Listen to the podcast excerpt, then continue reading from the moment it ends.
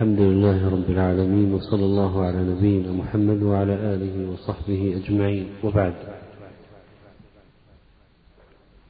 فحديثنا في هذه الحلقة من أشراط الساعة عن الدخان والخسوف الثلاثة وكان بقي لدينا موضوع سابق يتعلق بالدجال لعلنا نأتي عليه في هذا الدرس بمشيئة الله. وأما بالنسبة للدخان فإنه من أشراط الساعة التي أخبر النبي صلى الله عليه وسلم عنها عندما ذكر لنا عليه الصلاة والسلام أن الساعة لن تقوم حتى نرى قبلها عشر آيات فذكر الدخان. وفي قوله تعالى فارتقب يوم تأتي السماء بدخان مبين يغشى الناس هذا عذاب أليم. وكان هذا وعدا من الله تعالى لنبيه صلى الله عليه وسلم بالانتقام من المكذبين ووعيدا للمشركين على جحدهم ولعبهم واستهزائهم بالقرآن العظيم والرسول الأمين. وهذا الدخان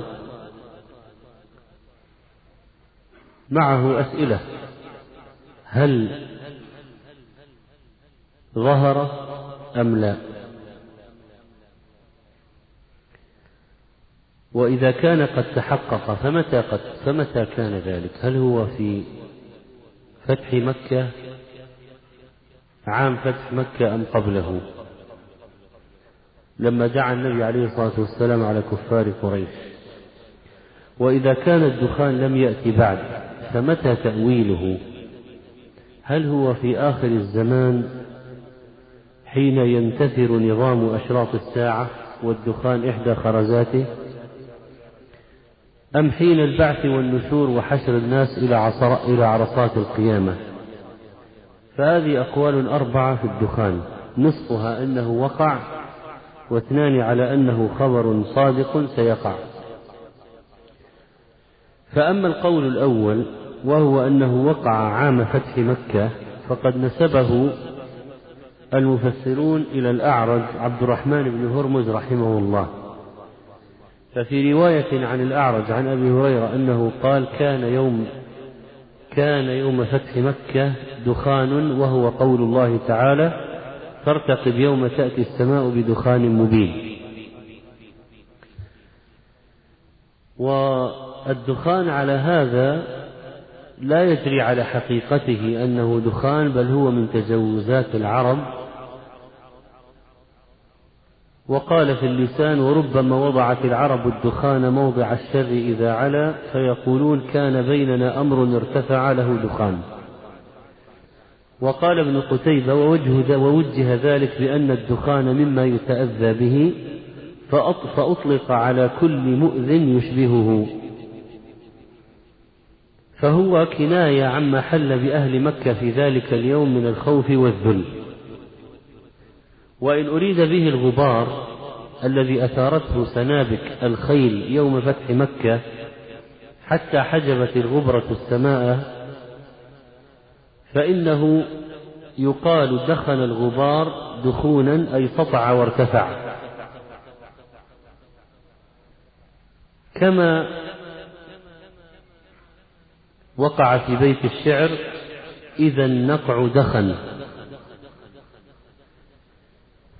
والعدول عن الحقيقة إلى المجاز يحتاج إلى دليل ولا دليل والآية ترتقب يوم تأتي السماء بدخان مبين يعني ظاهر. فلا مجال للقول هنا بالمجاز. وقول الأعرج لو صح إليه لم يكن فيه حجة لا سيما وقد عارضه ما هو مثله وأولى بالحجة منه. فكيف إذا كان القول المنسوب إليه إسناده ضعيف؟ وذلك لأنه قد رواه ابن أبي حاتم فقال حدثنا أبي حدثنا جعفر بن مسافر حدثنا يحيى بن حسان حدثنا ابن لهيعة حدثنا عبد الرحمن بن الأعرج. وابن لهيعة ضعيف قد اختلط وجعفر بن مسافر صدوق ربما أخطأ وهذا القول وقال ابن كثير عن هذا القول غريب جدا بل منكر. إذا ما قيل إن الدخان حصل وأنه كان عام فتح مكة هذا مستبعد. أن يكون هو الدخان المقصود. القول الثاني أن الدخان في هذه الآية فارتقب يوم تأتي السماء بدخان مبين. يغشى الناس. قيل إن هذا يكون يوم القيامة حينما تقرب جهنم من أهلها. فلها دخان يغشى الناس ويعمهم. وأن الله توعد المجرمين بالعذاب وأمر نبيه أن ينتظر بهم يوم القيامة. وهذه طريقة القرآن في توعد الكفار والتأني بهم والانتظار والترقب الوعد يوم القيامة عندما يكون الوعيد بالعذاب. وفي ذلك ترهيب لهم وتسلية للنبي صلى الله عليه وسلم وللمؤمنين. ويؤيد هذا أن الله قال في الآية أن لهم الذكرى وقد جاءهم رسول مبين وهذا يكون يوم القيامة حينما يطلبون الرجوع إلى الدنيا ولا رجوع. والدخان على هذا القول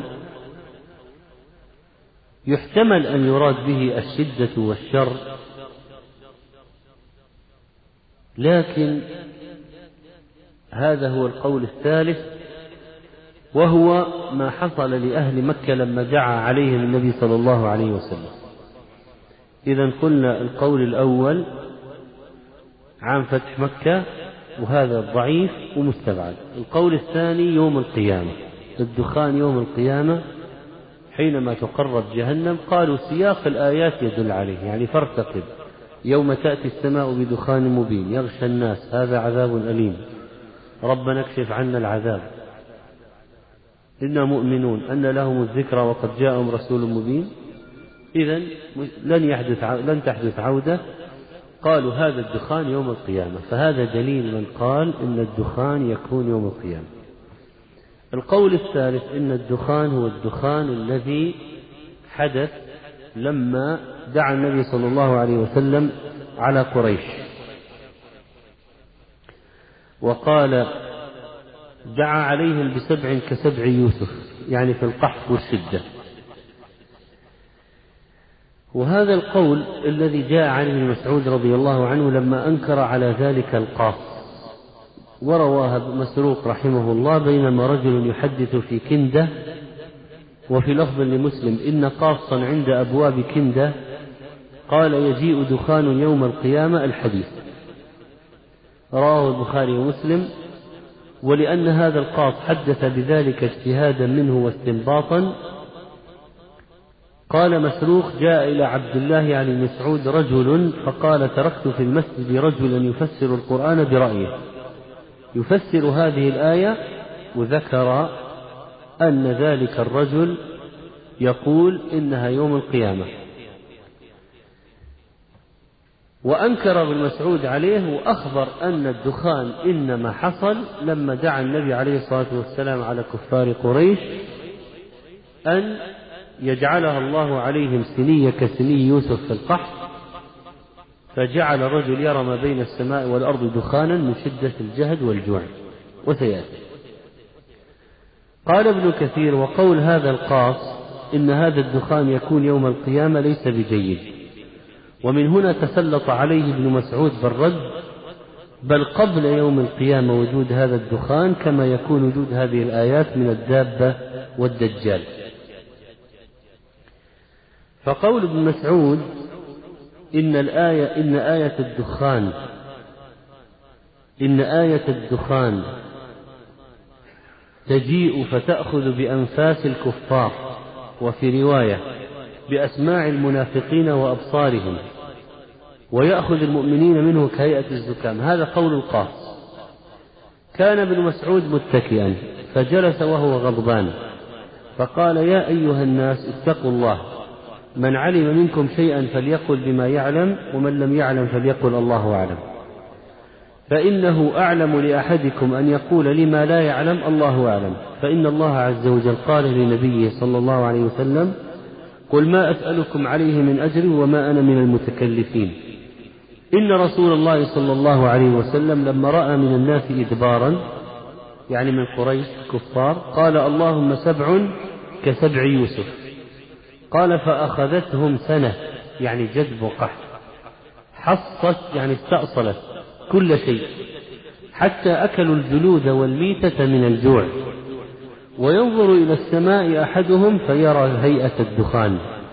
فأتاه أبو سفيان وكان مشركا فقال يا محمد إنك جئت تأمر بطاعة الله وبصلة الرحم وإن قومك قد هلكوا فادعوا الله لهم قال الله عز وجل فارتقب يوم تأتي السماء بدخان مبين يغشى الناس هذا عذاب أليم ربنا اكشف عنا العذاب إنا مؤمنون أن لهم الذكرى وقد جاءهم رسول مبين ثم تولوا عنه وقالوا معلم مجنون إنا كاشف العذاب قليلا إنكم عائدون. فابن مسعود اعترض على تفسير القاص طبعا القاص هؤلاء وعاظ الوعاظ والمذكرون كانوا كثيرا ما يروون الأحاديث الضعيفة والموضوعة ويخوضون بآرائهم لمجرد حمل الناس على البكاء فابن مسعود استدل على بطلان قول القاص إنه يوم القيامة بماذا؟ قال إن قوله إنا كاشف العذاب قليلا إنكم عائدون أفيكشف عذاب الآخرة؟ يعني لو كان في القيامة هل يكشف؟ لا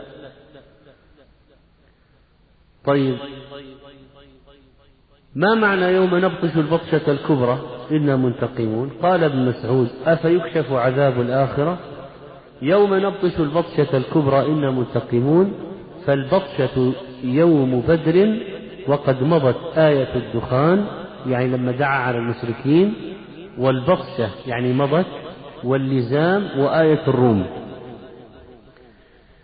ما هي قضية البطشة واللزام وآية الروم؟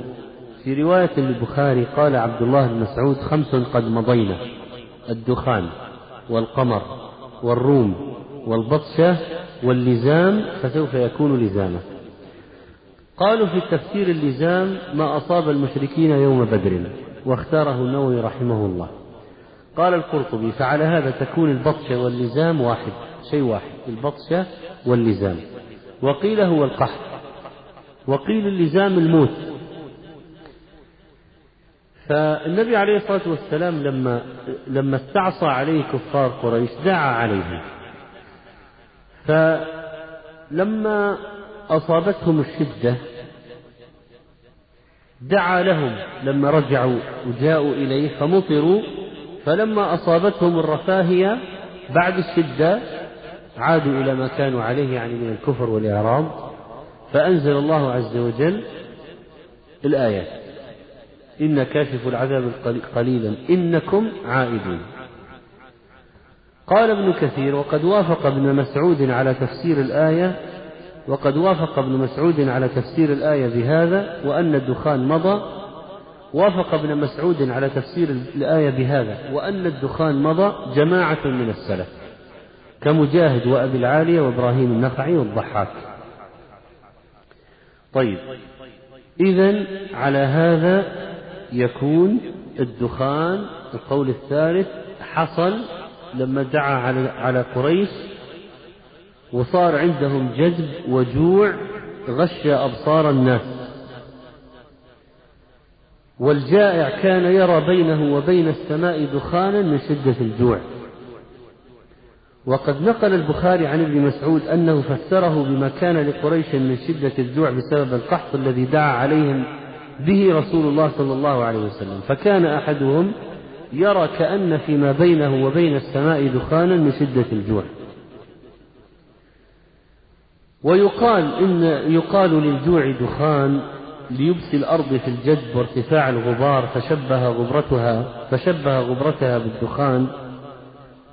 والمراد بالناس المشركون وأن ذلك الدخان سيكشف زمنا قليلا إعذارا لهم لعلهم يؤمنون وأنهم يعودون بعد كشف إلى ما كانوا عليه.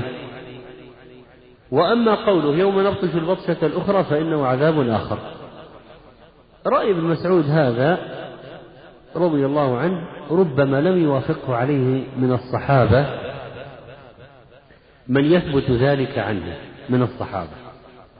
بقي لدينا القول الرابع وهو أن الدخان سيكون في آخر الزمان قبل قيام الساعة وأنه أحد أشراط الساعة.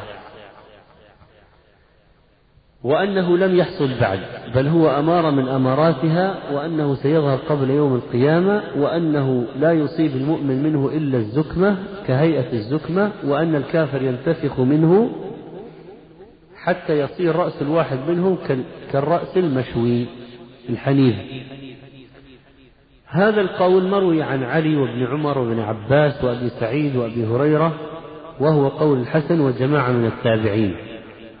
قال ابن أبي مليكة غدوت على ابن عباس ذات يوم فقال ما نمت الليل حتى أصبحت. قلت لم؟ قالوا طلع قال قالوا طلع الكوكب ذو الذنب فخشيت أن يكون الدخان قد طرق فما نمت حتى أصبحت. قال ابن كثير وهذا إسناده صحيح إلى ابن عباس. ابن عباس كان يخبر أن هناك كوكب له ذنب أو الكوكب ذو الذنب سيطرق الأرض سيطرق الأرض وأن ذلك سيكون قبل قيام الساعة. وأنه لما سمعهم يقولون الكوكب ذو الذنب جاء ظن الدخان قد جاء فما نام. ابن عباس رضي الله عنه من خشيته لله وخوفه اليوم الآخر. إذا ابن, عب ابن, مس ابن عباس رضي الله عنه يخشى أن يكون الدخان قد طرق والدخان في آخر الزمان من أشراط الساعة. مثل لما النبي عليه الصلاة والسلام قيل لما عرف أن الشمس كسفت خرج يجر إزارة يظنها الساعة. لأن الساعة فيها يخسف القمر وتنكسف الشمس ويذهب ضوءهما وهكذا. وقد جاء عن ابن عمر أيضا يخرج الدخان فيأخذ المؤمن كهيئة الزكمة ويدخل في مسامع الكافر والمنافق حتى يكون كالرأس الحنيف. لكن فيه رجل ضعيف في إسناده.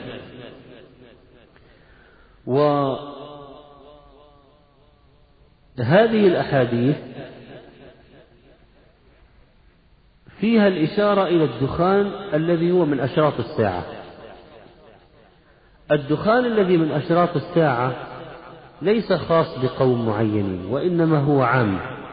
سيغشى الأرض سيغشى الناس. ومعنى يغشى الناس يعني يشملهم ويحيط بهم. ولو كان وهذا لا يمكن أن يكون مجازا ولا شيئا خياليا. هذا لا بد أن يكون دخانا حقيقيا. وذكر النبي صلى الله عليه وسلم الدخان من الآيات العشر التي تكون قبل قيام الساعة. والدخان الذي يأخذ بأنفاس الكفار. ويأخذ المؤمن منه كهيئة الزكام لم يأتي بعد وإنما يكون قريبا من قيام الساعة. وقد مر معنا حديث مسلم بادروا بالأعمال ستا طلوع الشمس من مغربها أو الدخان أو الدجال أو الدابة أو خاصة أحدكم. ما معنى بادروا بالأعمال خاصة أحدكم؟ يعني قبل نزول الموت. لأنه يختص بكل واحد. أو أمر العامة ما المقصود بادروا بالأعمال أمر العامة؟ يعني اعملوا الآن الصالحات قبل أن يفجأكم أمر العامة وهو قيام الساعة. والحديث حسن وقد تقدم. وفي حديث أبي مالك الأشعري رضي الله عنه قال رسول الله صلى الله عليه وسلم إن ربكم أنذركم ثلاثا الدخان يأخذ المؤمن كالزكمة ويأخذ الكافر فينتفخ حتى يخرج من كل مسمع منه. والثانية الدابة والثالثة الدجال. قال ابن كثير إسناده جيد. وفيه محمد بن إسماعيل بن عياش عن أبيه ولم يسمع منه ولذلك ولعله لذلك قال الحافظ إسناده ضعيف لكن تضافر هذه الأحاديث يدل على أن لذلك أصلا. فثبت بهذه الأحاديث أن الدخان بين يدي الساعة. وأنه يغشى الناس إذا عندنا شيء واضح من الأحاديث أن هناك دخان يأتي قبل قيام الساعة وأن هذا الدخان يعم الناس في الأرض كلهم. لكن هل الدخان هذا هو الذي في الآية يحتمل؟ ومن المحتمل أن يكون دخان آخر يكون يوم القيامة. فنحن الآن سواء كان المقصود بالآية دخان قبل قيام الساعة أو في يوم القيامة فليس هذا يعني لا ينفي الدخان الذي يكون قبل قيام الساعة. لأن عندنا أحاديث تدل على أنه قبل قيام الساعة سيأتي دخان يغشى الناس وأنه دخان حقيقي من أشراط الساعة وعلاماتها. ولا يمنع أن يكون هناك دخانان. كان ابن مسعود يقول هما دخانان كما روى عنه مجاهد. قد مضى أحدهما والذي بقي يملأ ما بين السماء والأرض ولا يجد المؤمن منه إلا كالزكمة وأما الكافر فتثقب مسامعه. فتبعث, فتبعث عند ذلك الريح الجنوب من اليمن فتقبض طروح كل مؤمن ومؤمنة ويبقى شرار الناس. إذا لا يلزم من تفسير آية الدخان بما وقع لكفار قريش. الآن هب أن تفسير الآية لا دخان الذي قبل قيام الساعة ولا الدخان الذي يكون يوم القيامة دخان جهنم. وإنما ما فسره به مسعود من أنه الدخان الذي صار يراه الكفار لما دعا عليهم بالجد فصاروا يرون ما بين السماء والأرض دخانا. هل إذا فسرنا الآية بهذا ينفي أن يكون هناك دخان آخر قبل قيام الساعة؟ ما هو الجواب؟ لا ينفي. إذا الدخان الذي قبل قيام الساعة ثابت. وفيه أحاديث صحيحة. وأنه دخان حقيقي. وقد جاء أيضا في رواية عن حذيفة أول الآيات الدجال ونزول عيسى بن مريم ونار تخرج من قعر عدن أبين تسوق الناس إلى المحشر قالوا والدخان. إذا هذا الحديث لما قال أول الآيات الدجال ونزول عيسى ونار تخرج من قعر عدن تسوق الناس المحشر والدخان قال يا رسول الله وما الدخان؟ فتل الآية يوم تأتي السماء بدخان مبين يغشى الناس هذا عذاب أليم. يمكث أربعين يوما وليلة أما المؤمن فيصيب منه كهيئة الزكام وأما الكافر فيكون بمنزلة السكران. يخرج من منخريه وأذنيه ودبره. هذا الحديث لو ثبت لو ثبت إذا يحكم في ماذا؟ في تفسير الآية. يحكم في تفسير الآية. لكن الحديث فيه علة من قبل رجل يقال له رواد بن الجراح. ولذلك لا يمكن أن نجزم بأن الدخان, بأن الدخان الذي في آخر الزمان هو الذي في الآية ولكننا نجزم أنه من أشراط الساعة وأنه سيكون قبل قيام الساعة. متى سيكون وقت خروج هذا الدخان؟ ذكر بعض العلماء أنه سيكون بعد يأجوج ومأجوج وأنه يمكث ثلاثا وأنه يأتي قبل الريح.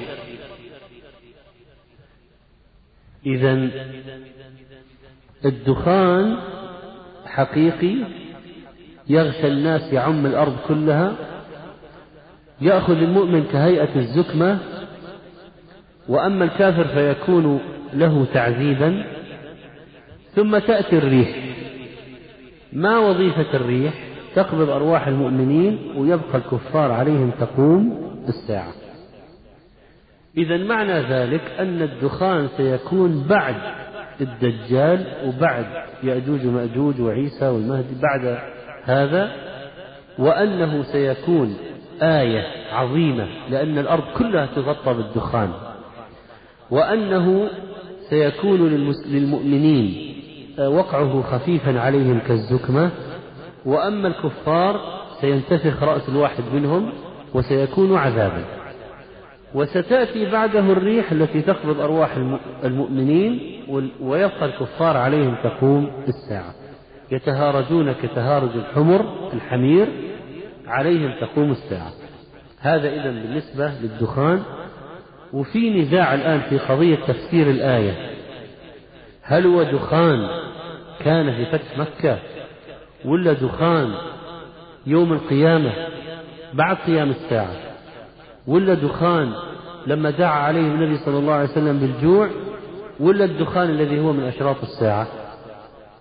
وقلنا لن نجزم بتفسير الآية بشيء ولكننا نجزم بأنه من أشراط الساعة قبل أن تقوم الدخان وأنه لم يقع بعد. وكون حصل دخان في ظرف معين لقريش لا ينفي وقوع الدخان العام الذي يغطي الأرض كلها قبل قيام الساعة. هذه هي الخلاصة في موضوع الدخان. وننتقل الآن إلى الخسوف. لقد أخبرنا النبي صلى الله عليه وسلم عن ثلاثة خسوف تكون في آخر الزمان. قال وثلاثة خسوف خسف بالمشرق وخسف بالمغرب وخسف بجزيرة العرب. وفي روا... هذه رواية مسلم. ورواية الطبراني قال عليه الصلاة والسلام سيكون بعدي خسف بالمشرق وخسف بالمغرب وخسف في جزيرة العرب. قيل يخسف بالأرض وفيهم الصالحون؟ قال نعم إذا أكثر أهلها الخبث. قال الهيثمي في الصحيح بعضه وفيه حكيم بن نافع والثقة بن حمعين وضعفه غير وبقية رجال ثقات. ما معنى الخسف؟ الخسف ذهاب الشيء وغيابه. ومنه خسف القمر إذا ذهب بعضه أو كله فيكون خسوفا كليا. وكذلك الشمس إذا خسفت كليا ذهبت عن الأنظار وجزئيا ذهب بعضها. ويقال في اللغة خسف في المكان يعني ذهب في الأرض انشقت الأرض ذهب فيها. وخسف الله بفلان الأرض غيبه فيها. ومنها قوله تعالى عن قارون فخسفنا به وبداره الأرض. يعني هو والدار كلها راحت في باطن الأرض. اختفت اختفت في باطن الأرض. كان النبي عليه الصلاة والسلام يستعيذ من الخسف لأنه عذاب. وذلك في قوله اللهم احفظني من بين يدي ومن خلفي وعن يميني وعن شمالي ومن فوقي وأعوذ بعظمتك أن أغتال من تحتي. قال وكيع يعني الخسف. أن أغتال من تحتي ما معنى أغتال من تحتي يعني الخسف رواه داود الصحابة الألباني. فهذا هو المقصود بالاغتيال من الجهة التحتانية. وبالذات الأسفل يكون أشنع. قد تأتي الآفة من فوق ومن يمين ومن شمال ومن أمام ومن وراء ولكنها من أسفل تكون أشنع. وقد توعد الله بالخسف الكفار قال أفأمن الذين مكروا السيئات أن يخسف الله بهم الأرض أو يأتيهم العذاب من حيث لا يشعرون؟ لكن الله حليم بالعصاة وعلى الكفرة وإلا لكان خسف بهم الأرض. وقال أفأمنتم أن يخسف بكم جانب البر أو يرسل عليكم حاصبا ثم لا تجدوا لكم وكيلا؟ أفحسبتم بخروجكم إلى البر بعد أن كفرتم؟ لما كنتم في البحر واشتدت بكم الريح والأمواج اشتدت بكم الريح والأمواج آمنتم. لما نجاكم إلى البر كفرتم. أأمنتم أن يخسف بكم جانب البر؟ وقال تعالى عن عذاباته التي أوقعها على المشركين في الأرض فكلا أخذنا بذنبه. فمنهم من أرسلنا عليه حاصبا ومنهم من أخذته الصيحة ومنهم من خسفنا به الأرض. ومنهم من أغرقنا. إذا الخسف عقوبة وعذاب أوقعه الله على ناس من الكافرين بالله تعالى. وأوقعه على قارون كما مر في الآية وقال تعالى أفلم يروا إلى ما بين أيديهم وما خلفهم من السماء والأرض؟ إن نشأ نخطف بهم الأرض أو نسقط عليهم كسفا من السماء. أأمنتم من في السماء أن يخسف بكم الأرض؟ فإذا هي تمور. وقد أخبرنا النبي عليه الصلاة والسلام أنه ستقع سيقع خسف في هذه الأمة نتيجة انتشار المعاصي وكثرتها. فقال يكون في آخر الأمة خسف ومسخ وقذف. قالت قلت يا رسول الله أنهلك وفينا الصالحون؟ قال نعم إذا ظهر الخبث إذا انكثر وانتشر وشاع والخسف هو ذهاب الشيخ هو ذهاب الشيء في الأرض والمسخ هو تغيير الخلقة والقذف هو الرمي بالحجارة. فإذا سيكون في هذه الأمة ناس تتغير خلقتهم إلى قردة وخنازير وسيكون هناك رمي بالحجارة من السماء وسيكون هناك ذهاب لبعض الأرض خسف بها. ما معنى إذا ظهر الخبث؟ فسره جمهور العلماء بالفسوق والفجور وقيل المراد الزنا خاصة وقيل أولاد الزنا وقيل المعاصي مطلقا يعني إذا انتشرت وكثرت وشاعت. معنى الحديث أن الخبث هذا أو الخبث إذا كثر فقد يحصل هلاك عام قد يكون في, في الذين يهلكون صالحين لكن ليس من المصلحين. لأن المصلحين الذين يأمرون بالمعروف وينهون عن المنكر ينجيهم الله تعالى. فأنجينا الذين ينهون عن السوء وأخذنا الذين ظلموا بعذاب بئيس. وقد ذكر النبي صلى الله عليه وسلم لنا عقوبة لخسف حصلت لأشخاص مثل قوله بينما رجل يجر إزاره من الخيلاء خسف به فهو يتجلجل في الأرض إلى يوم القيامة. وفي رواية للبخاري ومسلم بينما رجل زاد مسلم ممن كان قبلكم يمشي في حلة تعجبه نفسه يعني من الخيلاء متباهي مرجل جمته يعني شعره إذ خسف الله به فهو يتجلجل إلى يوم القيامة. وفي رواية يتبختر في حلة وفي رواية يمشي في حلة ثوبان أحدهما فوق الآخر تعجبه نفسه فأعجبته جمته وبرداه في رواية. إعجاب المرء بنفسه احتقار الله له. مرجل جمته مجتمع الشعر إذا تجلى من الرأس. إذ خسف الله به الأرض فهو يتجلجل إلى يوم القيامة والتجلجل حركة مع صوت. حركة مع صوت. فهذا ذهب انشقت الأرض وابتلعته خسف به وصار يتجلجل في الأرض إلى يوم القيامة الحركة مع الصوت ينتقل من مكان إلى مكان في باطن الأرض. يتدهده ويتدحرج من مكان إلى مكان في باطن الأرض. وهذا يصلح قالوا في الألغاز الألغاز العلمية تطرح لتنشيط العقول والدعوة للتفكير. كافر لا تأكل الأرض جسده. من هو؟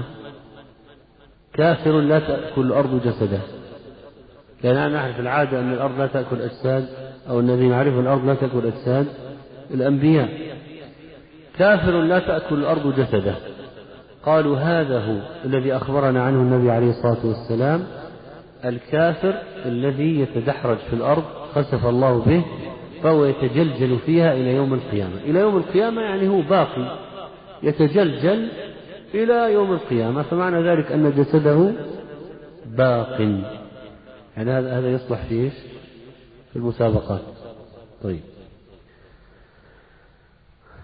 كذلك أخبر النبي عليه الصلاة والسلام عن أن من أسباب الخسف ظهور المعازف والقينات المغنيات واستحلال الخمور وشرب الخمور. فقال عليه الصلاة والسلام سيكون في آخر هذا الزمان خسف وقذف ومسخ إذا ظهرت المعازف والقينات واستحلت الخمور.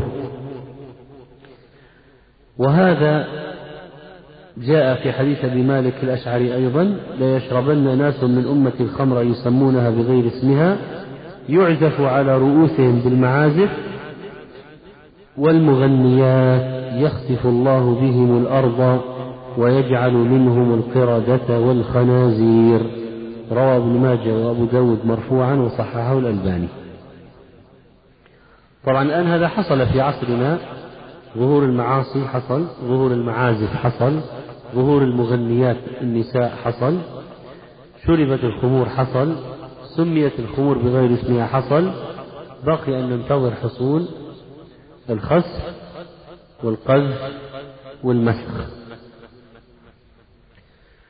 كذلك قال عليه الصلاة والسلام يكون في هذه الأمة أو في أمتي خسف أو مسخ أو قذف في أهل القدر. حديث حسن رواه الترمذي. إذا الذين يكذبون بالقدر أو يقولون الله ما قدر الأشياء أو ما كتب الأشياء أو ما علم بالأشياء قبل حصولها المكذبون بالقدر سيكون أيضا فيهم خسف. قال بعضهم إنهم كانوا منتشرين بالبصرة المكذبون بالقدر كانوا منتشرين. وفي بعض الأحاديث أن البصرة سيصيبها الخسف هذا. قالوا في ارتباط بين انتشار المكذبين بالقدر في البصرة والخسف الذي سيصيبها. طبعا هذا كان في فترة ماضية. هل سيعودون فيها أو يكونوا فيها أو تكون في أماكن أخرى؟ الله أعلم. إنما قطعا سيكون هناك خسف ومسخ أو مسخ أو قذف في المكذبين بالقدر. طيب سيكون هناك خسف بالجيش الذي يغزو الكعبة لكي يفتك برجل عاذ بالبيت العتيق.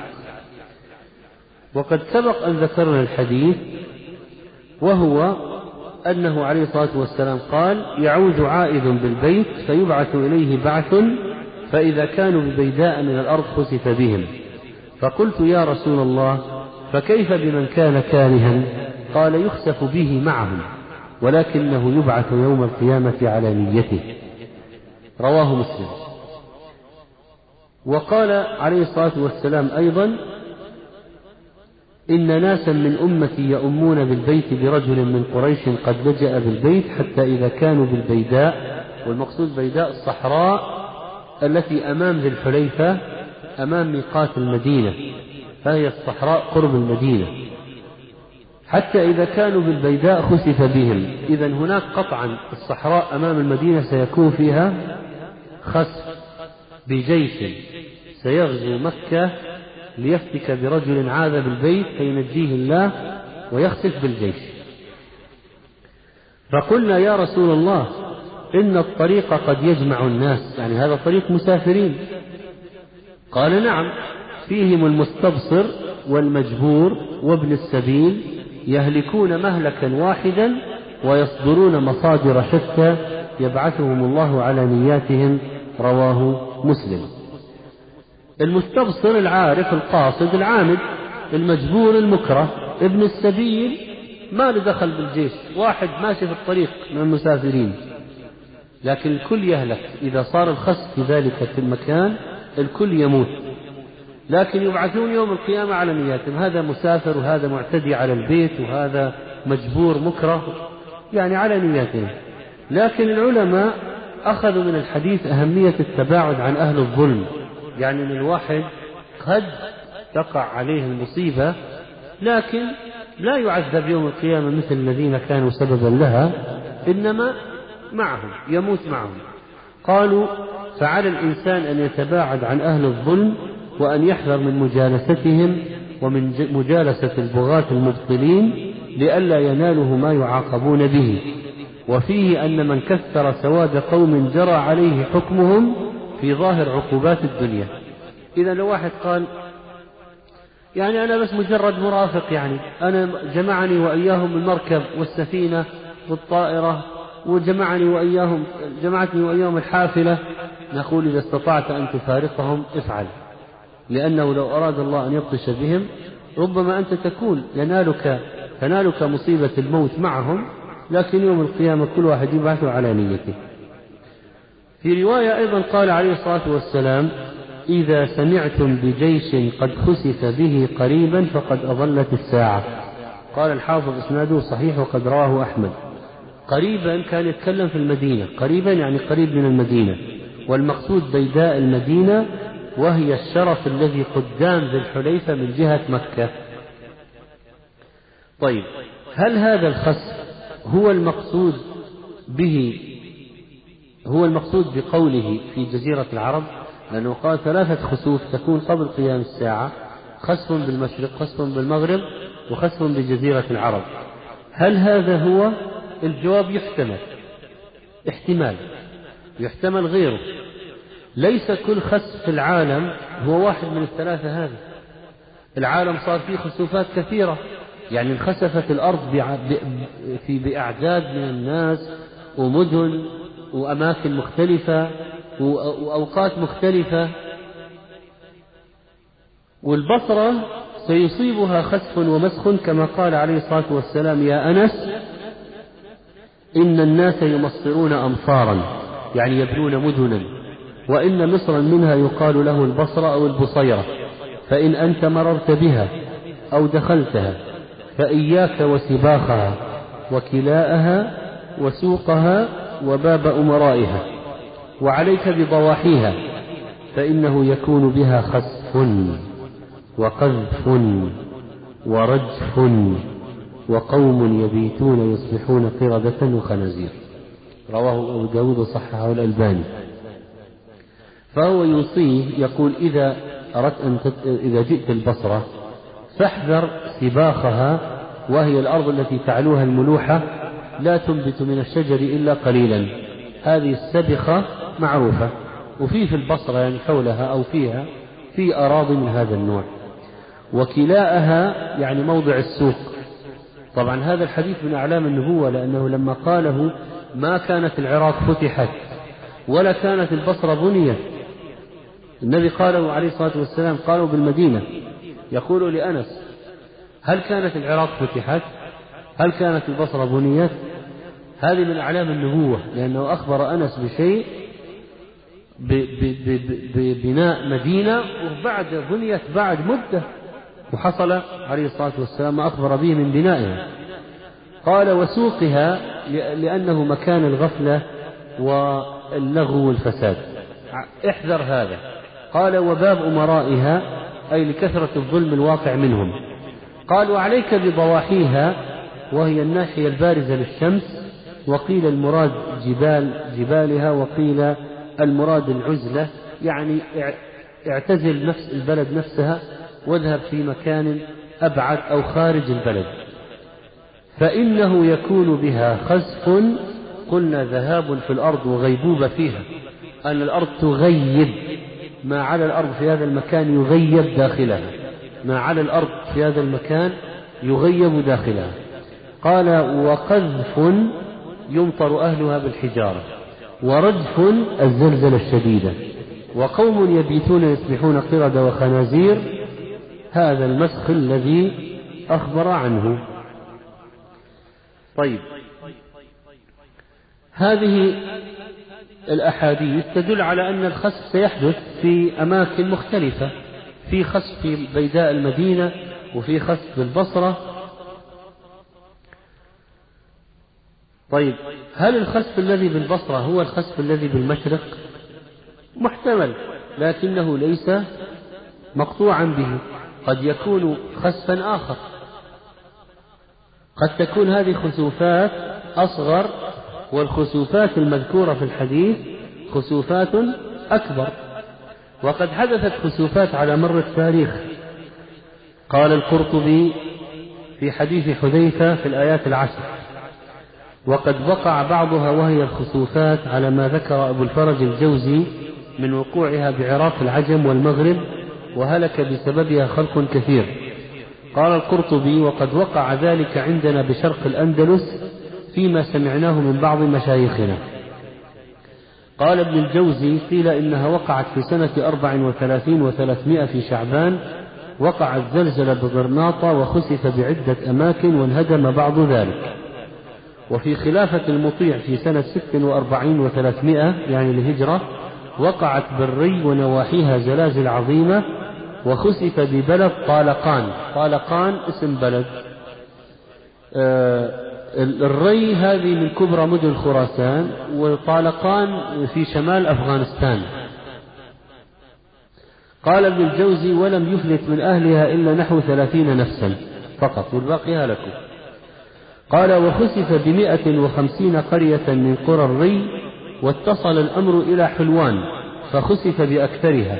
وقذفت الأرض عظام الموتى وتفجرت فيها المياه وتقطع بالري جبل جبل كامل تقطع تفتت نتيجة الخسف قال وانخرقت الأرض خروقا عظيمة وخرج منها مياه منتنة ودخان عظيم.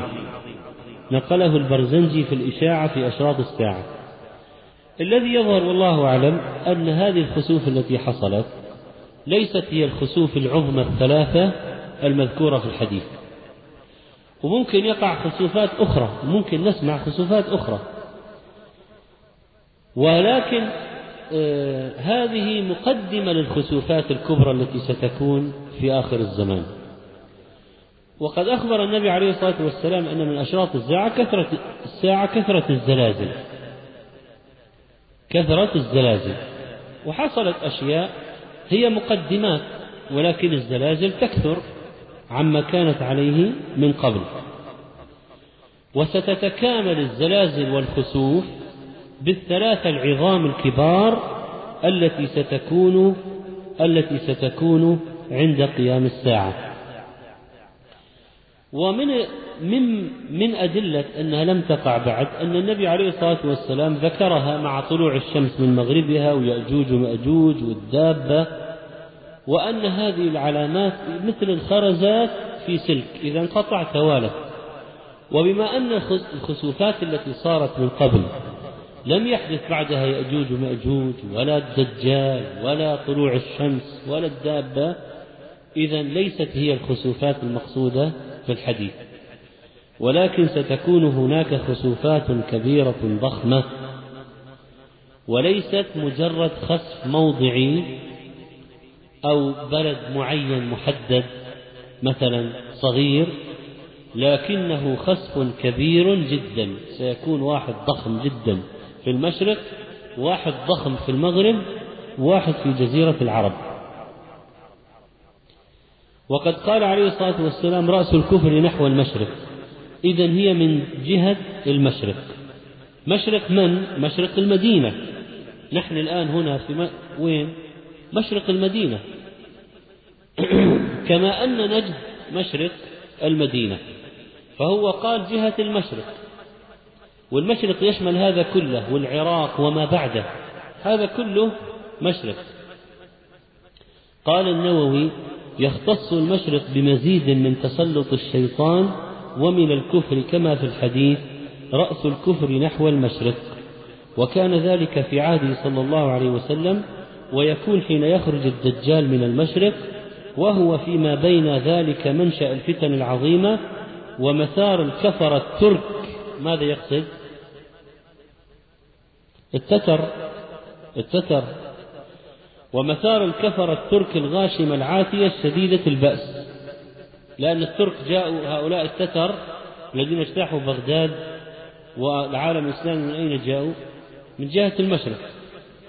ففي كفر في جهة المشرق أكثر من الكفر في جهة المغرب. والذي يتأمل التاريخ الإسلامي يجد أن الفتن اللي مرت من جهة المشرق يعني من جهة العراق وخراسان وإيران وما بعدها وما وراءها أكثر من اللي جاء من جهة مصر وليبيا والمغرب من هذه الجهة. إذا رأس الكفر جهة المشرق وسيكون في المشرق خسف كبير وكذلك سيكون في المغرب. الدجال من أين سيخرج؟ من جهة المشرق من خراسان من أصبهان. وهناك خسف سيكون في جزيرة العرب قد يكون هو الذي آه، بقرب المدينة وقد يكون غيره. وقد يكون غيره. الخسف اللي بالمشرق قد يكون يشمل البصرة وقد يكون غيره. هذا بالنسبة إذا للخسوف الثلاثة التي ستكون قبل قيام الساعة.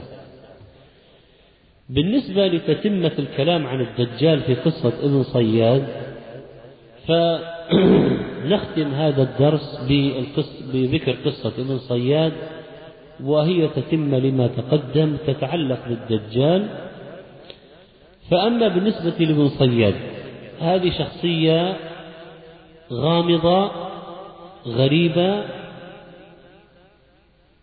بعض العلماء لم يصل إلى نتيجة في هذا الشخص وبعضهم رجح فيه أشياء. أول شيء ابن صياد هذا اسمه صافي.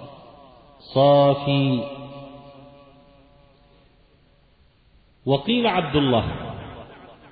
وقيل إنه كان اسمه صافي لما كان يهوديا ولما أسلم أو أظهر الإسلام ما ندري. تسمى بعبد الله. صافي هذا كان صبيا صغيرا لما جاء النبي صلى الله عليه وسلم إلى المدينة. ذكره ابن ذكر ابن كثير أنه أسلم أو على الأقل أو أظهر الإسلام. الله أعلم. أبوه كان يهوديا. و ولد ولد له ولد أعور مختون. وأسلم بعد وفاة النبي صلى الله عليه وسلم. فإذا عملناه بالظاهر إذا عملنا ابن صياد صافي هذا عملناه بالظاهر إن إسلامه يعني صحيح يكون إيش؟ تابعيا. أحسن. يكون تابعيا. وترجم له الحافظ بن حجر في الإصابة. ثم قال وفي الجملة لا معنى لذكر ابن صياد في الصحابة لأنه إن كان الدجال فليس بصحابي قطعا لأنه يموت كافرا. من شروط تعريف الصحابي أنه يموت مسلما. وإن كان غيره فهو حال لقيه النبي صلى الله عليه وسلم لم يكن مسلما. يعني يريد ابن حجر أن يقول ابن صياد لا يمكن يدخل في الصحابة أبدا. لأنه لما لقي النبي عليه الصلاة والسلام ما كان مسلما وإذا كان هو الدجال سيموت كافرا. فلا يمكن ينطبق عليه تعريف الصحابي لا من هنا هذه الجهة ولا من هذه الجهة. لأن تعريف الصحابي كل من لقي النبي صلى الله عليه وسلم مؤمنا ومات على ذلك. وبالمناسبة هذا الرجل اللي هو عبد الله ابن صياد أو صافي له ولد اسمه عمارة ابن عبد الله بن صياد. عمارة هذا كان من أصحاب سعيد بن المسيب من ساداء وهو من خيار المسلمين. يعني وإن كان طبعا أصله يهودي لكن خلاص هذا عمارة ابن عبد الله بن صياد هذا من أصحاب سعيد بن المسيب وصفه الذهبي بأنه من سادات التابعين. يعني لا لو كان ابن صياد هو الدجال أو دجال أو كافر لا غرابة يخرج الحي من الميت.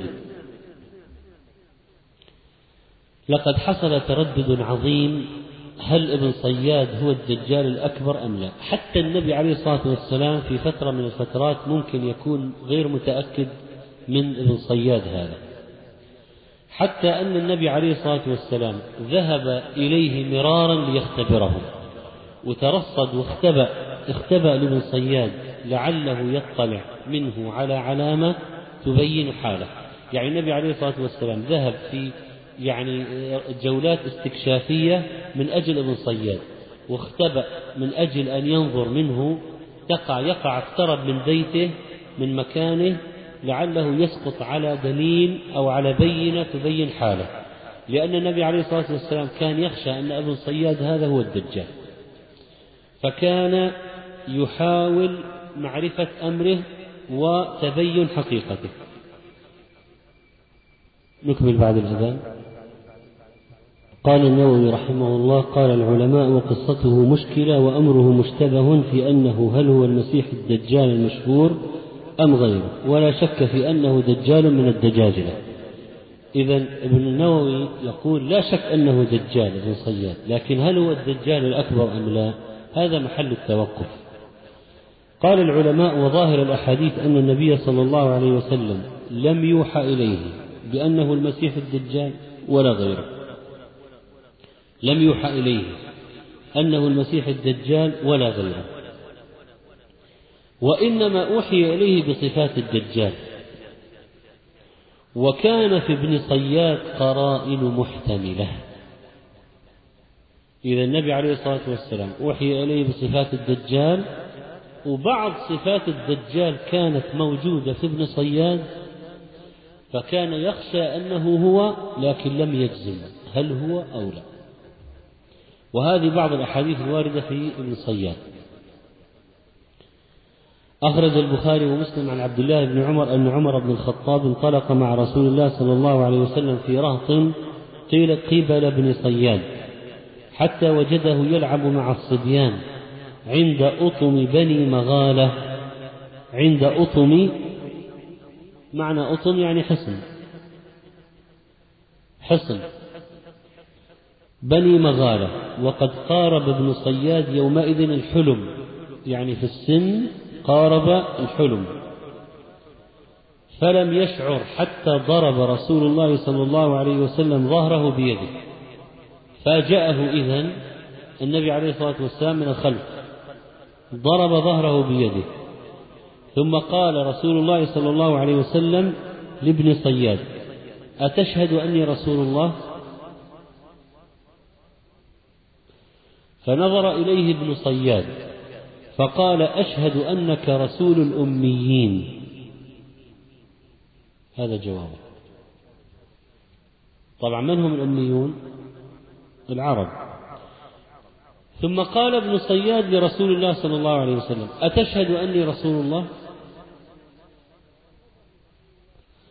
فرفضه رسول الله صلى الله عليه وسلم يعني تركه يأسا منه.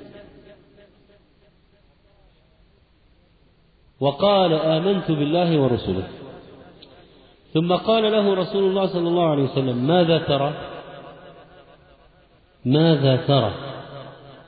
لأن عادة آه، الذين لهم علاقة بالجن والشياطين يرون أشياء. ماذا ترى؟ قال ابن صياد يأتيني صادق وكاذب. وفي رواية لأحمد أرى حقا وباطلا. قال بعض العلماء في شرحه يعني أخبر بأشياء فتتحقق فتكون صدقا في الواقع وأخبر بأشياء فلا تتحقق فتكون كذبا. وهذه من صفات من؟ الكهان والذين تلقي إليهم الشياطين الأخبار وفيها تخليط صدق وكذب. فهذا ما يبين أن لهذا صلة بالشياطين. قال ابن صياد يأتيني صادق وكاذب. فقال له رسول الله صلى الله عليه وسلم خلط عليك الأمر خلط عليك الأمر. ثم قال له رسول الله صلى الله عليه وسلم إني قد خبأت لك خبيئا. إني قد خبأت لك خبيئا. والخبيء هو كل غائب مستور ومعناها أني أخفيت لك شيئا. كأنه يقول هات هذا أنا خبأت لك شيئا. ما هو؟ يمتحنه ما هو؟ فقال ابن صياد هو الدخ هو الدخ. فقال رسول الله صلى الله عليه وسلم اخسأ فلن تعدو قدرك. كان النبي عليه الصلاة والسلام قد خبأ له سورة الدخان. وخبأ له يوم تأتي السماء بدخان مبين. لكن ابن صياد ما عرفها كلها عرف جزء منها. ما عرف الدخان وإنما الذي وصل إليه من شيطانه حرفين الدخ ولم تصل إليه بقية الكلمة. ومعلوم يعني أن الشياطين لما يسترق الخبر من السماء ممكن الشيطان يسمع الكلمة من السماء يلقيها وممكن يحترق وما يلقيها وممكن يلقي بعضها ويحترق. إذا الذي وصل إلى ابن صياد حرفين. وصل إليه حرفين الدخ. ولذلك النبي عليه الصلاة والسلام قال اخسأ فلن تعدو قدرك يعني أن ما يأتيك به شيطانك لن يرفعك. وإنه إنك إن عثرت على معلومات أو حصلت شيئا فإنك لن تحصلها إلا بقدر من الله. ومهما حصلت فلن تعدو قدرك مهما كان عندك من شياطين ومصادر من هؤلاء لن تعدو قدرك أن تكون دجالا. مهما علوت فإن حقيقتك أنك دجال.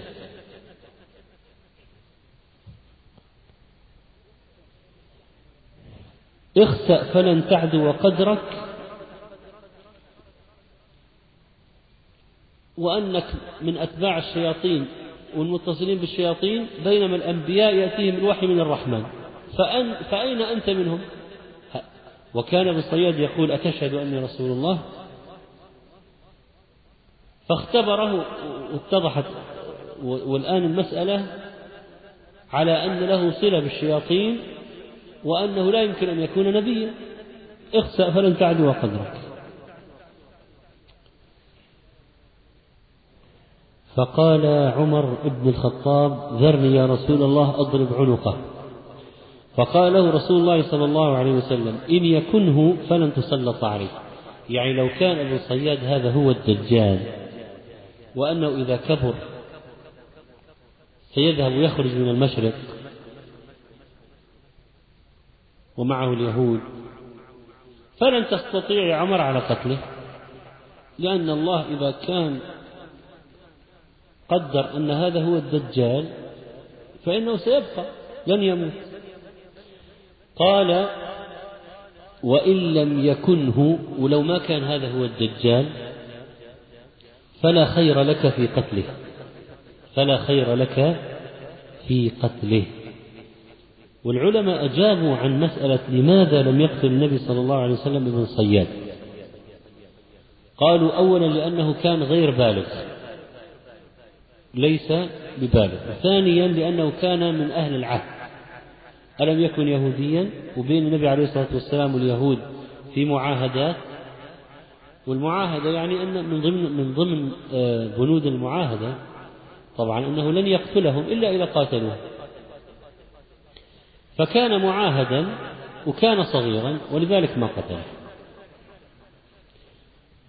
ثم قال عبد الله بن عمر انطلق بعد ذلك رسول الله صلى الله عليه وسلم وأبي بن كعب الأنصاري إلى النخل التي فيها أبو صياد.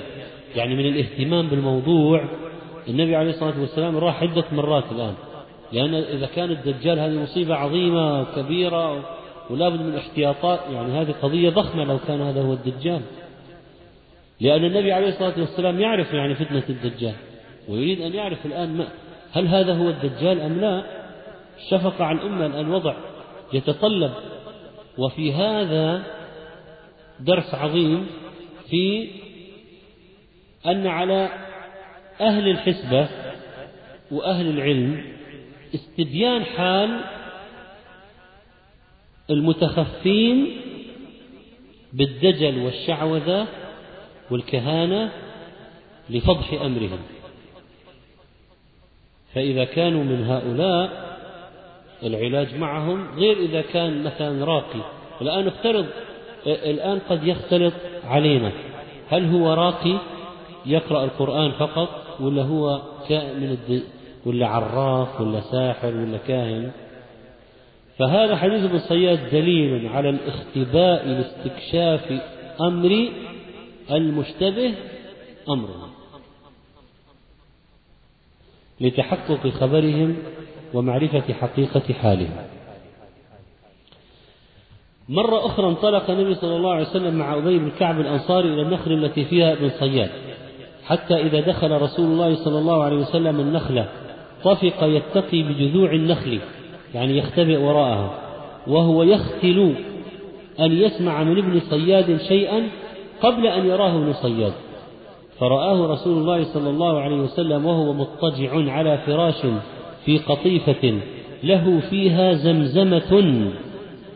إذا النبي عليه الصلاة والسلام اقترب واقترب من ابن صياد حتى وجده على فراش له صوت خفي لا يكاد يفهم الزمزمة وهو يختل يحاول يستغفل يختبئ حتى لا يشعر به ابن صياد لكي يسمع ماذا يقول لأنه إذا سمع تبين أمره.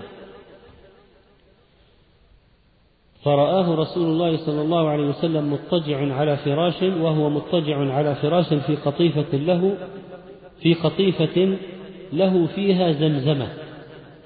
فرأت أم ابن صياد رسول الله صلى الله عليه وسلم اكتشفت مكانه وهو يتقي بجذوع النخل.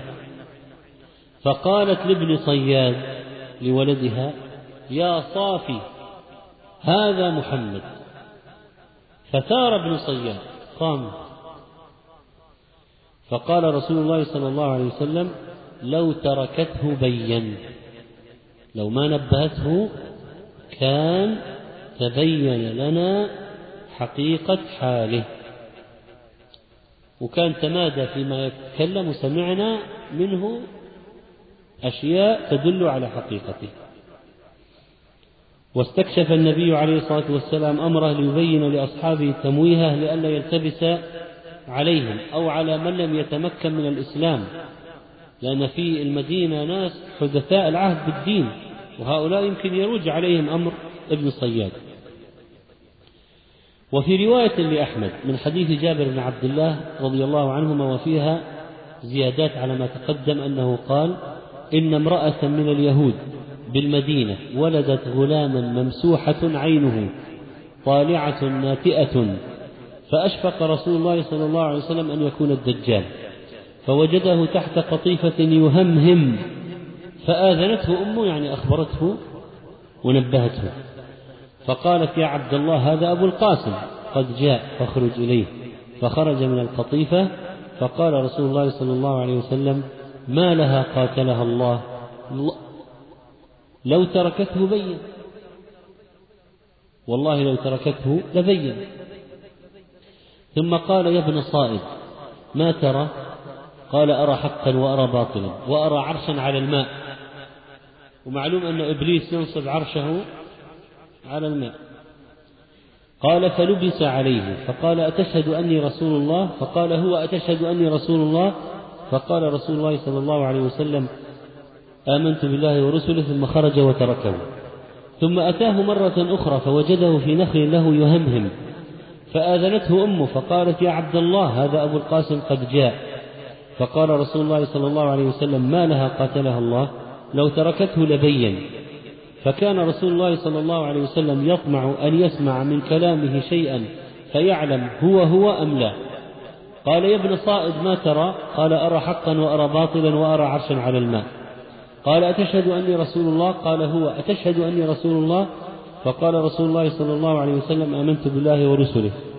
فلبس عليه ثم خرج فتركه. ثم جاء في الثالثة أو الرابعة ومعه أبو بكر وعمر وابن الخطاب في نفر من المهاجرين والأنصار وأنا معه. الراوي الآن جابر. فبادر رسول الله صلى الله عليه وسلم بين أيدينا تقدم ورجى أن يسمع من كلامه شيئا. فسبقته أمه. وذكر الحديث وفي آخره أنه قال عليه الصلاة والسلام لعمر لما استأذنه في قتله إن يكن هو فلست صاحبه لأن من الذي سيقتله؟ عيسى فلست يا عمر صاحبه الذي سيقتله؟ إنما صاحبه عيسى بن مريم صلى الله عليه وسلم وإلا يكن هو فلست فليس لك أن تقتل رجلا من أهل العهد. أهل العهد لأن بينه وبين اليهود في المدينة عهود. فلم يزل رسول الله صلى الله عليه وسلم مشفقا أنه الدجال. رواه أحمد ورجال رجال الصحيح. ومن الروايات الواردة فيه عن عبد الله بن مسعود رضي الله عنه قال كنا مع رسول الله صلى الله عليه وسلم فمررنا بصبيان. فيهم ابن صياد ففر الصبيان وجلس ابن صياد. فكأن رسول الله صلى الله عليه وسلم كره ذلك. فقال له النبي صلى الله عليه وسلم تربت يداك أتشهد أني رسول الله؟ فقال لا. بل تشهد أني رسول الله؟ فقال عمر ذرني أقتل ذرني يا رسول الله حتى أقتله. فقال رسول الله صلى الله عليه وسلم إن يكن الذي ترى إن يكن الذي ترى فلن تستطيع قتله. وفي رواية أنه قال ترى عرش إبليس قال أرى عرشا على الماء. فقال رسول الله صلى الله عليه وسلم ترى عرش إبليس على البحر. وما ترى؟ قال أرى صادقين وكاذبا أو كاذبين وصادقا. فقال رسول الله صلى الله عليه وسلم لبس عليه دعوه. وروى أحمد عن أبي ذر كان رسول الله صلى الله عليه وسلم بعثني إلى أمه. يعني بعث أبا ذر إلى أم ابن صياد. قال سلها كم حملت به؟ كم شهر؟ قال فأتيتها فسألتها فقالت حملت به اثني عشر شهرا. إذا في غرابة أكثر من المعتاد. قال ثم أرسلني إليها فقال سلها عن صيحته حين وقع. لما خرج من بطنها. فرجعت إليها فسألتها فقالت صاح صيحة الصبي الصبي ابن شهر. ما صاح صيحة ابن لحظة؟ صاح صيحة ابن شهر. ثم قال له رسول الله صلى الله عليه وسلم قد إني قد خبأت لك خبأ فأراد أن يقول الدخان فلم يستطع فقال الدخ الدخ فقال رسول الله صلى الله عليه وسلم اخسأ فإنك لن تعدو قدرك. طيب النبي عليه الصلاة والسلام حاول أن يستبين خبر الولد هذا. ما استطاع. أن يجزم بشيء فيه ما استطاع. طيب ماذا حصل لابن صياد بعد موت النبي عليه الصلاة والسلام؟ طيب بلغ وكبر وما وماذا حصل بعدها؟ روى مسلم في صحيحه عن أبي سعيد الخدري رضي الله عنه قال خرجنا حجاجا أو عمارا ومعنا ابن صائد قال فنزلنا منزلا فتبرق فتفرق الناس وبقيت أنا وهو. يقول أبو سعيد بقيت أنا وابن صياد. فاستوحشت منه وحشة شديدة. لما يعلم يعني أخباره السابقة. فاستوحشت منه وحشة شديدا مما يقال عليه. وجاء بمتاعه فوضعه مع متاعه. خلط عفش بعفش. فقلت إن الحر شديد فلو وضعته تحت تلك الشجرة. وخر أخر متاعك عني.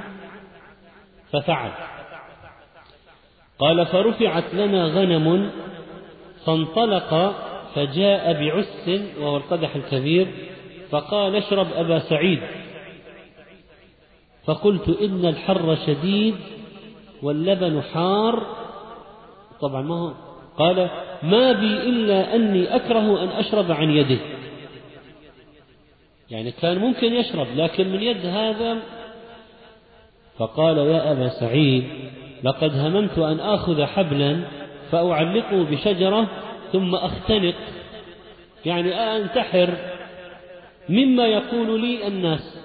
يعني حاول ابن الصياد أن يظهر بمظهر البريء المسكين الذي يشيع عنه الناس إشاعات وهو بريء وأنه يعني من كثرة الإشاعات كاد أن ينتحر بحبل الانتحار من الحبل قديم.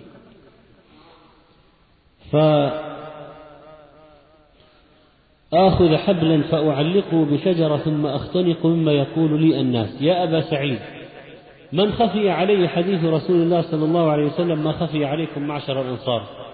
ألست من أعلم الناس بحديث رسول الله صلى الله عليه وسلم؟ أليس قد قال رسول الله صلى الله عليه وسلم هو كافر وأنا مسلم؟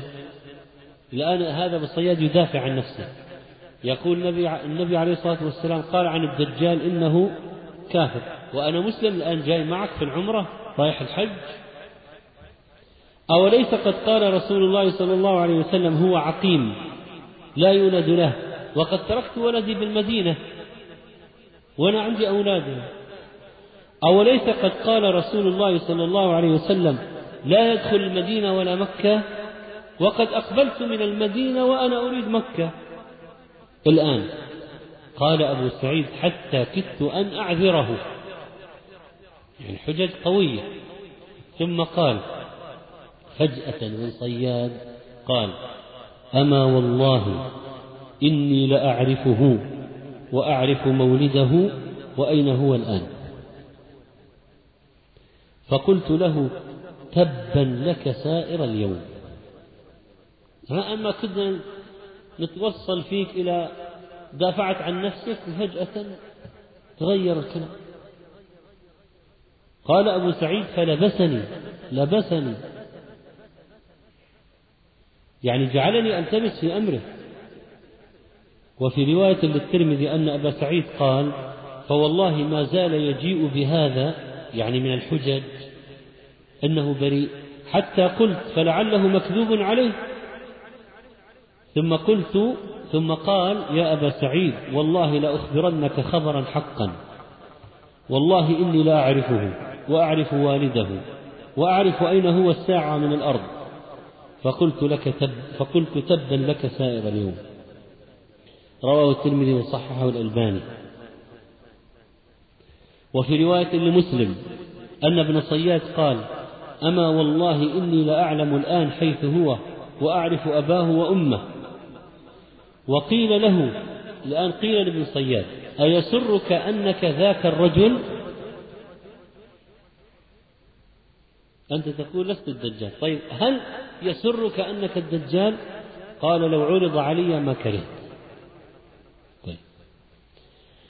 وروى مسلم عن ابن عمر قال لقيت ابن صائد مرتين فأما مرة فلقيته ومعه بعض أصحابه فقلت لبعضهم نشدتكم بالله إن سألتكم عن شيء لتصدقني؟ قالوا نعم. أو لتصدقني لتصدقني؟ قالوا نعم. قال قلت أتحدثوني أنه هو؟ قالوا لا. قلت كذبتم والله. لقد حدثني بعضكم وهو يومئذ أقلكم مالا وولدا أنه لا يموت حتى يكون أكثركم مالا وولدا وهو اليوم كذلك. قال فحدثنا ثم فارقته ثم لقيته مرة أخرى وقد تغيرت عينه. هو ابن صياد. وفي رواية مسلم وقد نفرت عينه يعني نتأت خرجت. فقلت متى فعلت عينك ما أرى؟ متى حصل يا ابن صياد؟ متى حصل لك النتوء هذا في عينك؟ قال لا أدري. قلت ما تدري وهي في رأسك؟ فقال ما تريد مني يا ابن عمر؟ إن شاء الله تعالى أن يخلقه من عصاك هذه خلقه. ونخر كأشد نخير حمار سمعته قط. يقول ابن عمر سمعت من ابن صياد صوتا أشد أشد نخير حمار سمعته قط. فزعم بعض أصحابي أني ضربته بعصا كانت معي حتى تكسرت. وأما أنا فوالله ما شعرت. فدخل على أختي حفصة. من هو؟ ابن عمر. فأخبرها بما حصل مع ابن صياد. فقالت ما تريد منه؟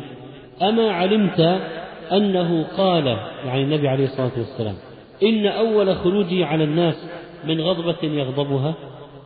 يعني ماذا تريد يا أخي يا ابن عمر من هذا تضربه؟ يمكن يغضب غضبة الآن يكون فيها خروجه. وفي رواية لمسلم عن نافع قال لقي ابن عمر ابن صائد في بعض طرق المدينة فقال له قولا أغضبه فانتفخ ابن صياد انتفخ حتى ملأ السكة انتفخ حتى صار ملأ الطريق الطريق. فدخل ابن عمر على حفصة وقد بلغها فقالت له رحمك الله ما أردت من ابن صائد أما علمت أن رسول الله صلى الله عليه وسلم قال إنما يخرج من غضبة يغضبها. الآن هذا الرجل ماذا حصل له؟ روي أنه مات بالمدينة. والصحيح أنه فقد يوم الحرة ولم يدر عنه. وقد جاء عند أبي داود في الحديث الصحيح عن جابر قال فقدنا ابن صياد يوم الحرة. معركة صارت في المدينة. فإذا رجل آخر خبر أنه مفقود لا يدرى أين هو. فالآن اختلف العلماء في ابن صياد هذا فقال بعضهم إنه الدجال الأكبر صرح بهذا القرطبي. لكن المشكلة في هذا القول ما هو؟ أن تميم الداري قد حدث أن الدجال مربوط في جزيرة في البحر. وابن صياد هذا صبي في المدينة فكيف يتفق هذا مع هذا؟ هذه مشكلة القول أنه ابن ابن أن ابن صياد هو الدجال لكن حاول بعضهم الإجابة عن هذا. كيف ممكن يكون في المدينة ويكون في الجزيرة في نفس الوقت؟ هذا الإشكال الذي يرد على القول أن ابن صياد هو الدجال الأكبر. قال الشوكاني اختلف الناس في أمر ابن صياد اختلافا شديدا وأشكل أمره حتى قيل فيه كل قول. وظاهر الحديث المذكور أن النبي صلى الله عليه وسلم كان مترددا في كونه الدجال أم لا. وهذا التردد قبل أن يعلمه الله بأنه هو الدجال على قول من قال إنه يرى بأنه هو الدجال. الذين قالوا إنه هو الدجال قالوا إن عمر حلف عند النبي عليه الصلاة والسلام أن ابن صياد هو الدجال ولم ينكر النبي عليه الصلاة والسلام قوله. فيما روى البخاري ومسلم عن محمد بن المنكدر قال رأيت جابر بن عبد الله يحلف بالله أن ابن صائد الدجال. فقلت أتحلف بالله؟ قال إني سمعت عمر يحلف على ذلك عند النبي صلى الله عليه وسلم فلم ينكره النبي صلى الله عليه وسلم. وروى أحمد عن أبي ذر قال لا إن أحلف عشر مرار أن ابن صائد هو الدجال أحب إلي من أن أحلف مرة واحدة أنه ليس به. وهذا قال عن الشيخ حمود التوجي رحمه الله إسناده صحيح. إذا في صحابة كانوا يحلفون أنه هو الدجال. طيب ما هي العلامات؟ يهودي والدجال يهودي. أعور وكانت له عين ناتئة حصل. هذا قول الأول. القول الثاني أن ابن صياد دجال من الدجاجلة لكنه ليس هو الدجال الأكبر. ومن الكلام الذي قيل أن قصة تميم. أن تميما رآه في جزيرة في البحر فلا يمكن أن يكون هذا هو الذي في المدينة. وأن الذي رآه تميم في البحر الداري رضي الله عنه وصفه بأنه رجل وفي رواية شيخ. وهذا صبي. طيب وماذا تقولون الذين قالوا بأنه ليس هو الدجال الأكبر عن حلف عمر وغيره؟ قالوا أن النبي عليه الصلاة والسلام سكت على حلف عمر لأنه لم يكن أوحي إليه بحقيقة أمر ابن صياد. ولذلك سكت. يعني كيف ينكر على عمر شيئا قد يكون صحيحا؟ وكيف يثبت له شيئا قد لا يكون صحيحا؟ فهذا سكوت النبي عليه الصلاة والسلام. وبالخلاصة فإن ابن صياد على الراجح أنه دجال من الدجاجلة وأنه ليس الدجال الأكبر. والذين قالوا إنه الدجال الأكبر طبعا لماذا قلنا إنه دجال من الدجاجلة لأن له أحوال شيطانية. يعني يأتيني صادق وكاذب وأرى عرشا على البحر وماذا خبأت لك؟ قال هو الدخ. وانتفخ حتى ملأ الطريق ونخر كأشد حمار قط. ويعني فيه أمارات تدل على أنه دجال لكن ليس هو الدجال الأكبر على الراجح. الذين قالوا طبعا هو الدجال حاولوا أن يقولوا إنه اختفى ليظهر بعد ذلك من أصبهان ويأتي. وقال الحافظ بن حجر رأيا يعني قد يكون فيه شيء من الاستغراب وأقرب ما يجمع به بين وبين ما تضمنه حديث تميم وكون ابن صياد هو الدجال أن الدجال بعينه هو الذي شاهده تميم موثقا وأما ابن صياد شيطان تبدى في صورة الدجال في تلك المدة إلى أن توجه إلى أصبهان فاستتر مع قرينه إلى أن تجيء المدة التي قدر الله تعالى خروجه فيها. الله أعلم. يعني هو يرى إذا هذا رأي أنا ابن صياد قرين الدجال الشيطان الذي يكون مع الدجال وأنه تشكل بصورة ابن صياد. قال الشيخ حمود وفي هذا الجمع نظر لا يخفى فإن ابن صياد قد ولد في المدينة وكان أبوه وأمه من اليهود وأسلم وولد له ابنان من خيار التابعين فكيف يكون شيطان؟ وقد ولد له ولد وأولاد. والأحسن في من هذا أن يقال إن ابن صياد دجال من الدجاجلة وليس بالدجال الأكبر الذي يخرج في آخر الزمان كما قرر ذلك الحافظ ابن كثير وغيره من المحققين والله أعلم. هذه نبذة عن ابن صياد وارتباطه بقصة الدجال التي مرت معنا. ويحتمل أن يكون الدرس القادم هو آخر درس في هذه السلسلة الذي سيتضمن بمشيئة الله آه، طلوع الشمس من مغربها والدابة والنار التي تخرج من قعر عدن لتسوق الناس إلى محشرهم. والله أعلم صلى الله على نبينا محمد.